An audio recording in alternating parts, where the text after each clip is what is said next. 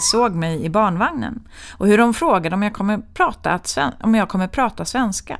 När jag som fyraåring började i kyrkans barntimmar kom de första frågorna om varför jag inte ser ut som alla andra och jag fick lära mig hur jag skulle berätta min adoptionsberättelse och beskriva min familj.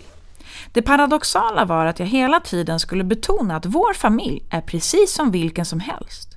Att adoptionen är en bagatell och att jag inte ser mer annorlunda ut än någon annan. Samtidigt som ny, varje ny bekantskap innebar samma uppsättning frågor.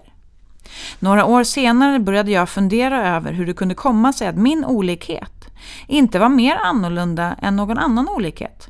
Varför får jag då hela tiden min person och tillvaro ifrågasatt? Som liten fick jag framförallt höra hur söt jag var och ofta sades detta med en bisats om att personen uttalade en önskan om att själv adoptera. Åh, jag skulle också vilja ha en sån söt unge. Och då var adoption den första tanken, inte att försöka träffa en östasiatisk partner. Hej, hej, hej, hej, hej! Välkomna till Barnrättssnack. Vilken inledning! Ja, det här var från ett Instagramkonto som heter Stulen identitet som pratar väldigt mycket om det vi ska prata om idag. Just det. Och det är ju en fantastiskt spännande fråga och spännande artikel. Väldigt skarp artikel och det är artikel 21. Ja! Och den ska vi prata om idag. Ja. Mm.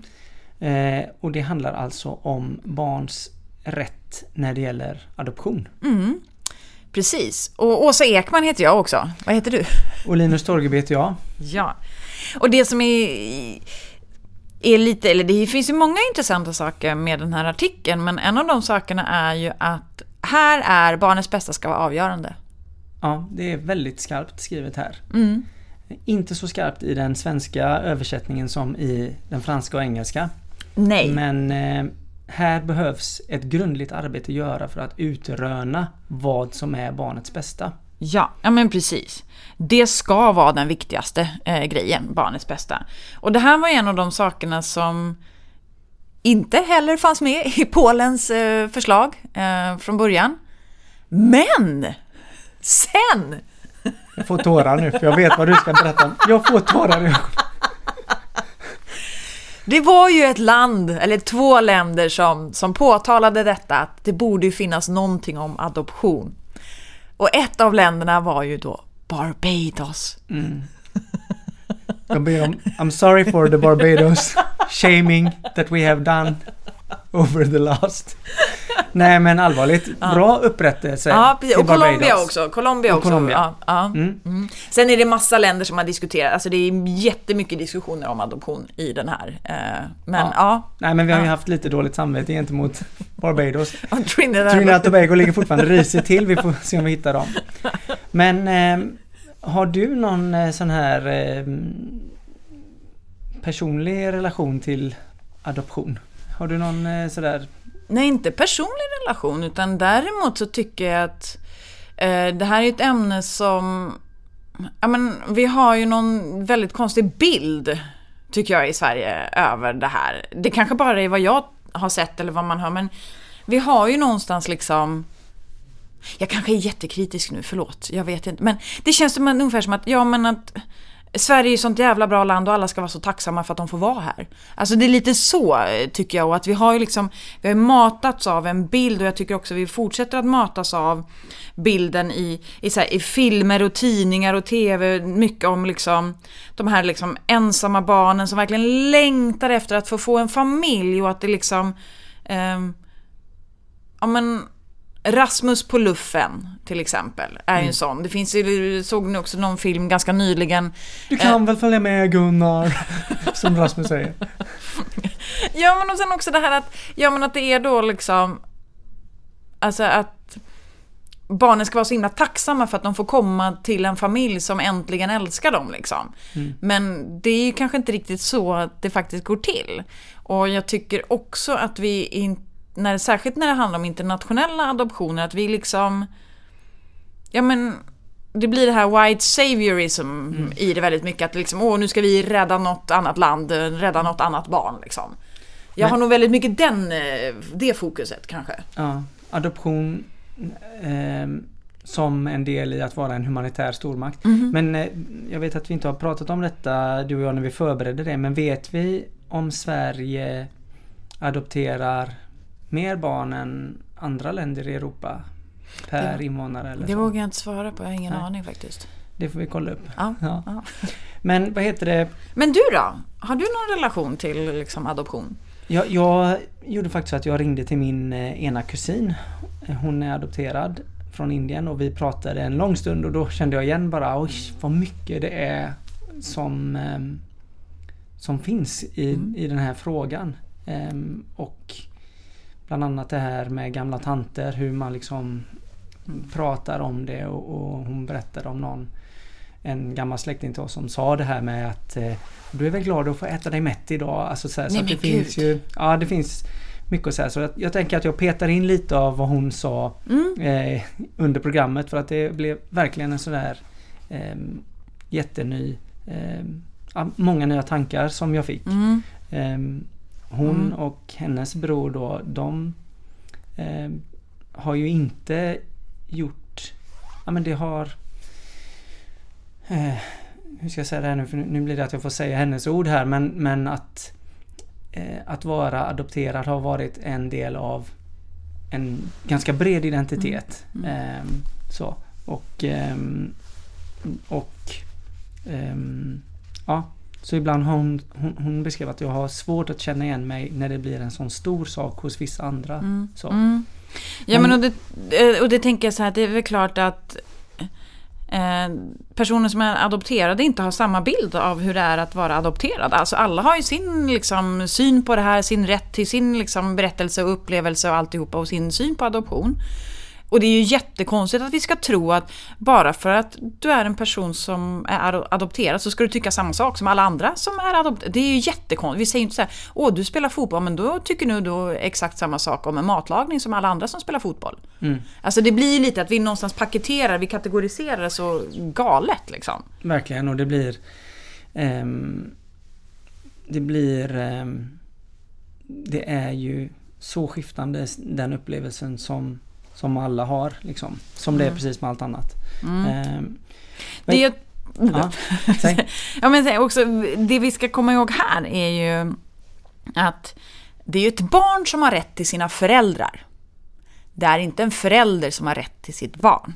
Precis. Och här blir ju det eh, egentligen en kluvenhet. Eller kanske inte, barnkonventionen i sig är ju inte liksom kluven i det. Utan det står ju hela tiden att det ska vara eh, utifrån liksom barnets bästa och sådär. Och att det ska liksom, barnets ställning och barnets egen liksom röst ska ju liksom, ja, samtycke och så vidare. Men samtidigt är det ett barn som kanske inte har det talade språket, som är ett spädbarn eller som är väldigt litet, så har ju det ingen möjlighet att göra sin röst hörd i det. Mm. Ehm, och jag tänker liksom, och det, men det är väl det här som jag kan tycka blir så kluvet, för att å ena sidan så pratar vi om att när det handlar då särskilt om adoption, att ja men det här med så här, genetiken och biologin, ja men det är ju inte viktigt. Det är ju noll viktigt. Nu kommer ju du vara i den här familjen och, och ni är ju så lika. Herregud, det är ju, man skulle ju kunna tro att det var det, liksom ditt biologiska eller genetiska barn och ni är så lika och bla bla bla. bla. Å ena sidan så säger man det, att det är inte viktigt. Och samtidigt så har vi liksom utvecklat allting när det handlar om liksom eh, så här, IVF, embryoadoptioner, äggadoption, alltså all, alla sådana här saker för att du ska få då ett genetiskt eller biologiskt barn. Så man är beredd att betala liksom miljarder pengar för det. Men samtidigt säger vi att det inte är viktigt. Ja. ja, det är verkligen alltså, Det är jätteviktigt och det gäller ju på något sätt kunna hantera de här frågorna och, och min kusin igen då berättade om att hennes föräldrar ehm, har hanterat det här väldigt mycket som att ah, men det här är ju intressanta och spännande frågor. Mm. Och det tyckte jag också var så himla häftigt. Att eh, det blir inte vare sig det här att det är jätteviktigt eller Mm. helt oviktigt Nej. utan att ah, men det finns där. Och Mm. det är intressant och spännande. Så. Mm. Vad heter det? Men vi utlovar ju att den här artikeln var väldigt skarp. Ska vi ta och läsa den? Och Den är ju lång. Ja, Den är lång. Den är lång, men ska vi göra det? Ska du eller jag? Eh, ska jag läsa då? Ja, kör på. Då står det så här, artikel 21 är det. Konventionsstater som erkänner och eller tillåter adoption ska säkerställa att största vikt ges till vad som bedöms vara barnets bästa och ska A. Säkerställa att adoption av ett barn godkänns endast av behöriga myndigheter som i enlighet med tillämplig lag och tillämpliga förfaranden och på grundval av all relevant och tillförlitlig information beslutar att adoptionen kan tillåtas med hänsyn till barnets ställning i förhållande till föräldrar, släktingar och vårdnadshavare. Och att om så krävs de personer som berörs har lämnat ett informerat samtycke till adoptionen på grundval av sådan rådgivning som kan behövas. Mm. B. Erkänn att internationell adoption kan övervägas som en alternativ form av omvårdnad om barnet eh, inte kan placeras i ett familjehem eller en adoptivfamilj eller tas om hand om på lämpligt sätt i sitt hemland. C. Säkerställa att de barn som berörs av internationell adoption omfattas av garantier och normer som motsvarar de som gäller vid nationell adoption. D. Vidta alla lämpliga åtgärder för att vid internationell adoption säkerställa att placeringen inte leder till otillbörlig ekonomisk vinning för de personer som medverkar i denna. E. Främja, där så är möjligt, målen i denna artikel genom att ingå bilaterala eller multilaterala arrangemang eller överenskommelser. Inom denna ram sträva efter att säkerställa att placering av barnet i ett, land, i ett annat land sker genom behöriga myndigheter eller organ. Alltså, det är inte så att man känner så här, åh vad positiva de är till att det måste ske adoptioner hela tiden. Eller liksom, det är inte så att det här främjar det direkt. Utan det är ju liksom jävligt skarpt, kan man ju tycka. Det är massa grejer som ska vara på plats innan eh, det här blir till. Ja, och det jag tänker på är ju eh, att, att eh, behöriga myndigheter, alltså all relevant information ska mm. vara på bordet. Mm. Man ska ha kollat av med föräldrar, vårdnadshavare eller släktingar. Verkligen. Man ska kolla eh, möjligheter i hemlandet innan det här sker. Mm. Alltså, och många olika möjligheter, inte bara eh, eh, ja, det, det, är flera olika möjligheter som man måste kolla upp. så.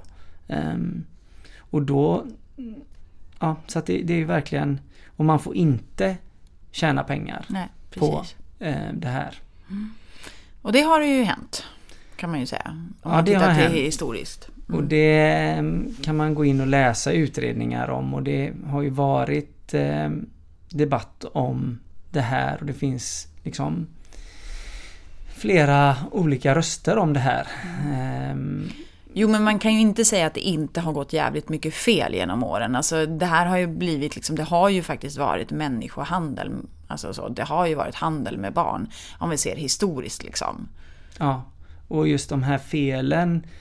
Eh, hade vi haft en gäst här hade ju hon varit väldigt högt upp på mm. listan, mm. men mm. som hade ett sommarprat som berättar Precis. om eh, sina egna erfarenheter av faktiska liksom fel och eh, ja, hur det har gått till. Mm. Vad hette hon? Madeleine Inva Björk. Just det. Så det, det är ett tips att lyssna på det sommarpratet, verkligen. Både sommarprat och ett vinterprat. Just ja, ja men precis. Det är ju äh. prateri helt enkelt. Ja. Och hon har ju också ett Instagramkonto som man kan eh, kolla in där hon också skriver mycket om de här frågorna. Mm. Um, så det är verkligen ett, ett hett tips. Och det och, finns flera andra som har skrivit också mm. jättebra böcker. Mm. Eh, ja, det finns mycket ja, att läsa. Tobias Hübinette är ju också en forskare som, eh, som lyfter det här på många olika sätt. Och han har ju också ett... Nu hamnade vi i tipslistan ja, direkt. Ja, det gjorde vi. Det gjorde vi. Men det vi kan väl ta den också. Men han har ju också... Det är ett poddavsnitt som han är med i, i podden Osvenskheter, tror jag den heter.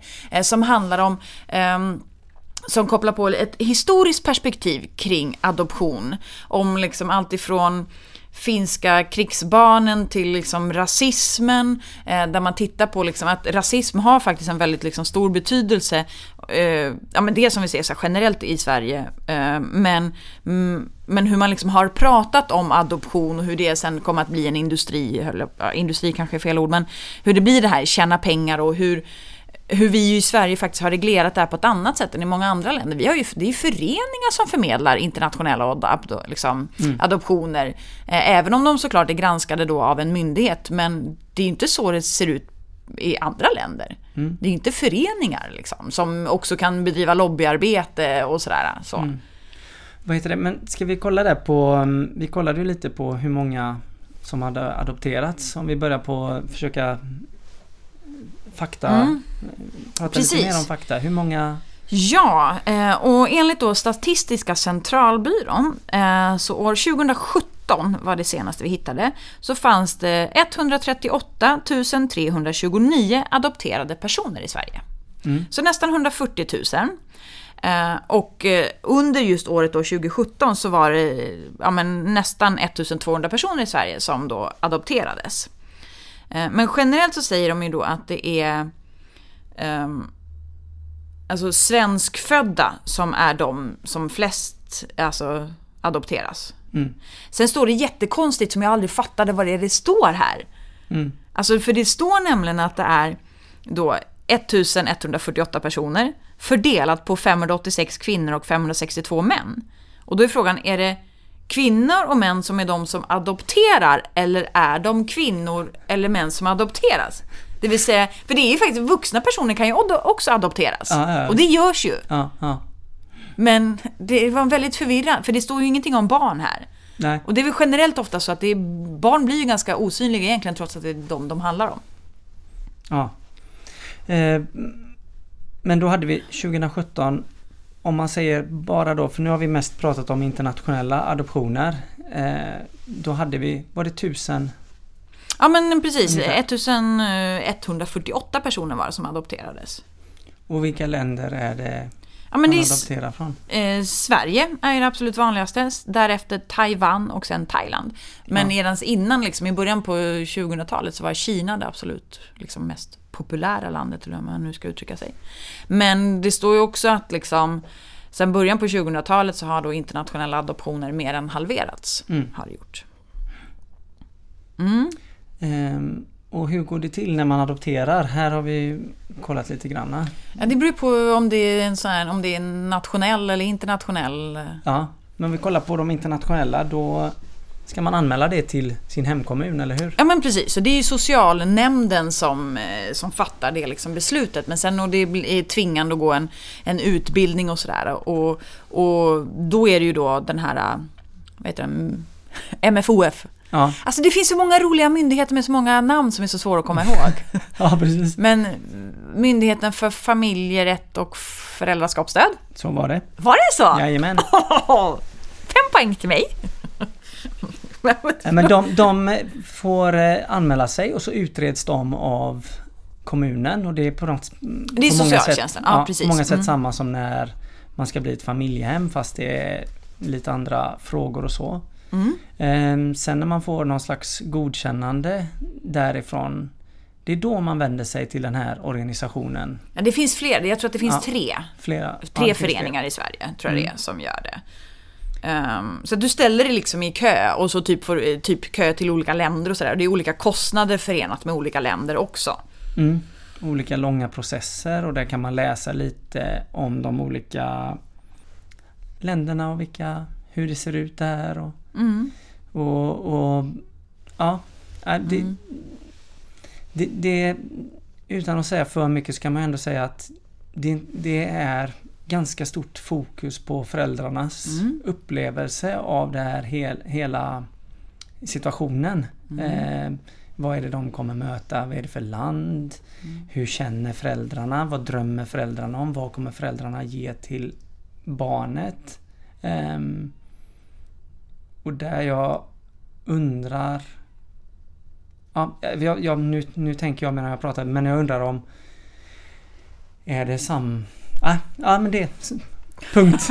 Jag säger punkt där. Men så upplevde vi ju det liksom. Och det är klart att vi tittar lite på det. Vi har någon slags kritisk känsla mm. i, i det här. Mm. men det handlar också om att när vi ser på så som det står i artikeln så är det ett liksom hårt fokus på barnets situation. Det står ingenting om vilka rättigheter som föräldrarna har i en adoptionssituation. Exakt. Ehm, mm. Så det skevar lite kan man väl säga att vi känner. Så. Ja, och det är väl där också om man då skulle jämföra till exempel hur, hur det beskrivs eh, att vara då, för det är ju det, det utgår ifrån eh, egentligen de vuxna som du säger. Men jag tänker om vi läser då på myndighetssidan. Mm. Så eh, till exempel när de då tar upp den här liksom utbildningen som är obligatorisk för alla som, som, som vill adoptera. Så står det också ganska mycket om de utmaningar som kan finnas. Eh, eh, och också lägger en hel del fokus på det. Mm. För att eh, de anser att ja, men det är, kan komma att bli andra utmaningar. Medan om du tittar på de här organisationernas hemsidor. Det var en av dem, jag ska inte nämna vem, vilken, men jag blev nästan lite illamående eh, när jag läste. Alltså, för man förmedlar en bild som är väldigt den här white saviorism, tycker jag. Mm. Där man liksom säger att, ja men här är det liksom... Alltså det är sån himla tur för barnet att då få äntligen komma till en kärleksfull familj. Mm. Eh, alltså att det är det man beskriver och att liksom hur, alla, hur man verkligen längtar. Och det är klart att man längtar och man har rätt till sin längtan efter ett barn. Men det blir problematiskt när vi liksom enbart lyfter upp den bilden. Eh, för i det försvinner ju barnet. Mm. Tänker jag. När man liksom hela tiden fokuserar på de vuxna. Så det är väldigt olika bilder. Och det är väl lite de här två sidorna. Mm. Det är kanske det det är, det kanske det jag försöker säga. För att, för att det luriga blir ju att eh, kontakten med det andra landet och or, eh, adoptionsorganisationen där sker ju om jag har förstått det rätt, mellan de här organisationerna mm. väldigt mm. mycket. Så att där ska ju liksom svenska myndigheter liksom, eh, vad heter det? bedriva tillsyn på organisationerna och se så att de gör det. Men, men, men själva liksom matchningen och kontakterna och sådär mellan då föräldrar och barn det sköts väldigt mycket av två mm. organisationer. Och sen är det klart att eller så finns ju myndigheter i respektive länder någonstans där också. Mm. Mm. Jo. Och det är väl det som som har beskrivits av flera av de här som vi tipsade om innan att uh, hur, um, hur sköts de här organisationerna och vad är det som driver dem mm. och hur och där det också finns solklara fall av att barn stjäls, rövas bort på olika sätt. Uh, och, eller säljs alltså på olika sätt. Mm. Och det är ju det, är det som blir... Eh, ja, det finns, det finns flera delar i detta liksom. Ja, men det finns ju en historia där det är där det inte fanns myndighetsinblandning utan där det faktiskt handlade om att det var svenskar som bodde eller vistades i ett land som sen tog med sig barnen hem som liksom, där de såg att barnen far illa på olika sätt och där man liksom Eh, eller att man liksom sen började förmedla barn liksom, mm. eh, med andra. Så det började ju i liksom individer och sen byggdes det en struktur för mm. det. Liksom. Så det, och, och, det är väl lite det som är att vi måste se det här utifrån ett historiskt perspektiv mm. också. Eh, men jag tyckte också du sa ju det här med eh, när vi liksom pratar om våran syn på från vilka länder och så vidare. Det här med att barnkonventionen tar ju inte ställning till vilka la, vilket land som är nej, bäst. Typ. Nej. Nej, precis. ungefär, jag kommer inte ihåg hur du uttryckte men du sa något sånt liksom. Ja, det är väl också det här att... Eh, jag kommer inte ihåg vad jag sa, men, men just att, att lite det som du sa i början att eh, vi tror att Sverige är bäst på så många sätt. Eh, och så är det ju inte.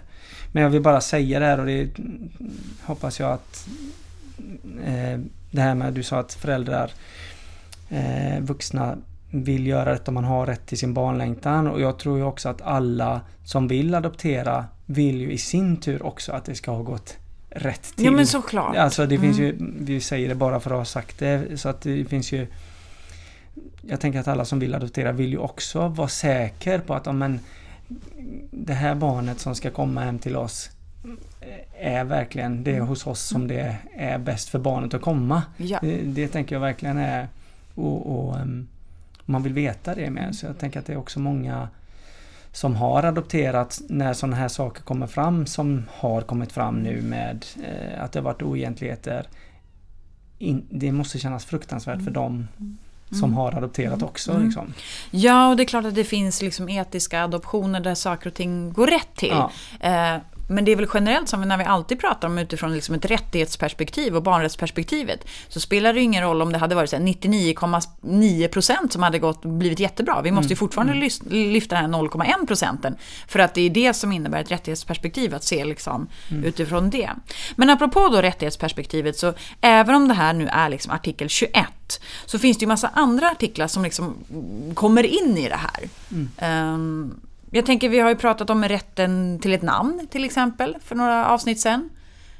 Um, det blir ju också en, en, artikel som, särskilt när det handlar om internationella adoptioner, men även såklart nationella, att Ja men att barnet har rätt till sitt namn.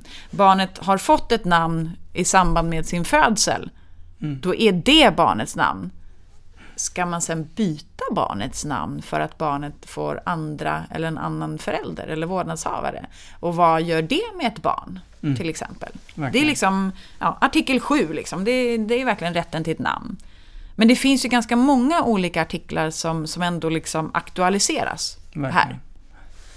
Ja, där tänker jag direkt på artikel 2 med diskriminering mm. men också de här artiklarna med, du sa det nu med namn men identitet och mm. rätt till liksom eh, alla de här som också rätt till utveckling, alltså att, att på något sätt bygga upp sin eh, sin människa, eller vad säger man? Bygga upp sin person så att det inte bara blir det som andra utifrån då så lätt ser en som. Mm. Eh, och, och det sa min kusin också det här med att men det om hon vill skicka med något slags råd eller någonting var ju just det här att men man behöver extra stöd i att bli eh, få vara och liksom hitta massa olika identiteter så att man inte blir fastlåst i den för att den pressar eh, pressar så många andra människor på mm. en.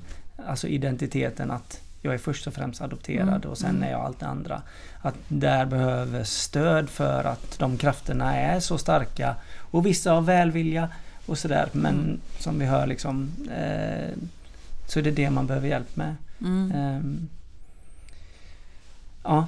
Ja, men, och det finns ju jättemycket. Jag tänker det finns ju också så att liksom FN-kommittén, de har ju ingen allmän kommentar om den här specifika artikeln. Däremot så liksom eh, berör de ju det här på lite olika sätt. Om till exempel när det absolut inte ska ske adoptioner. Till exempel om man ser att det finns ett eh, hopp om att faktiskt kunna spåra barnets familj.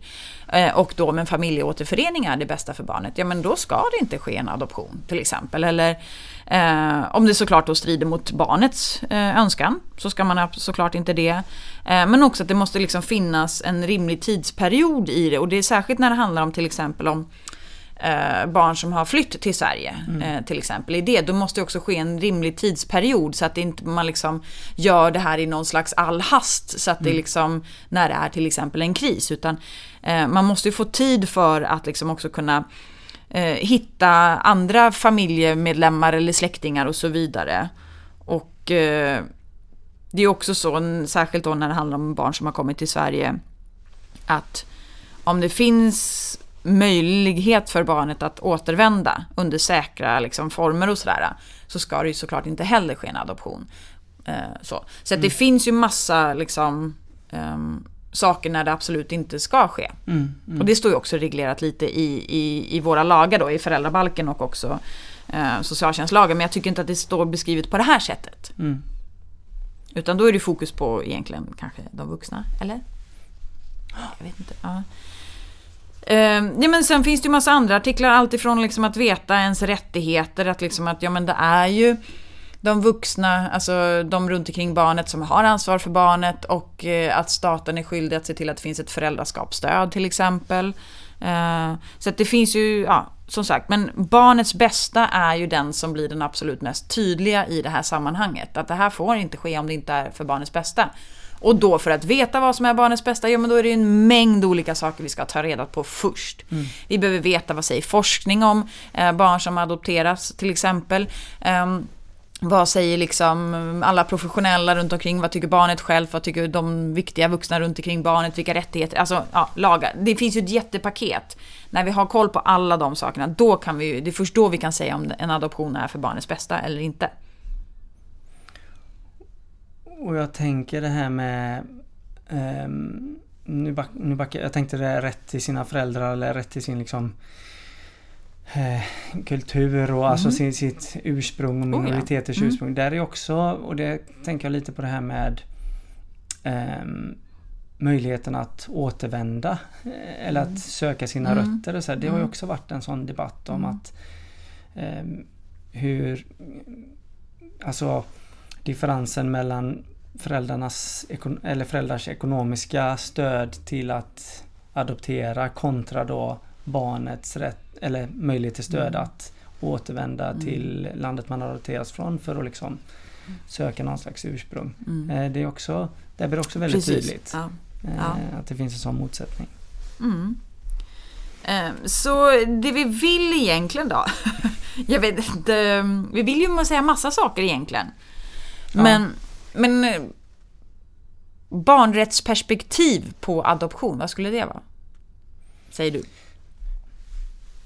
Nej men eh, förutom alla de här tydligheterna som kommer med artikeln så mm. i den situation som, som vi är i nu i vardag så tycker jag väl att, ja, men att för de barn som är adopterade i Sverige nu som har kommit hit så, så tänker jag väl mycket att ja, men, eh,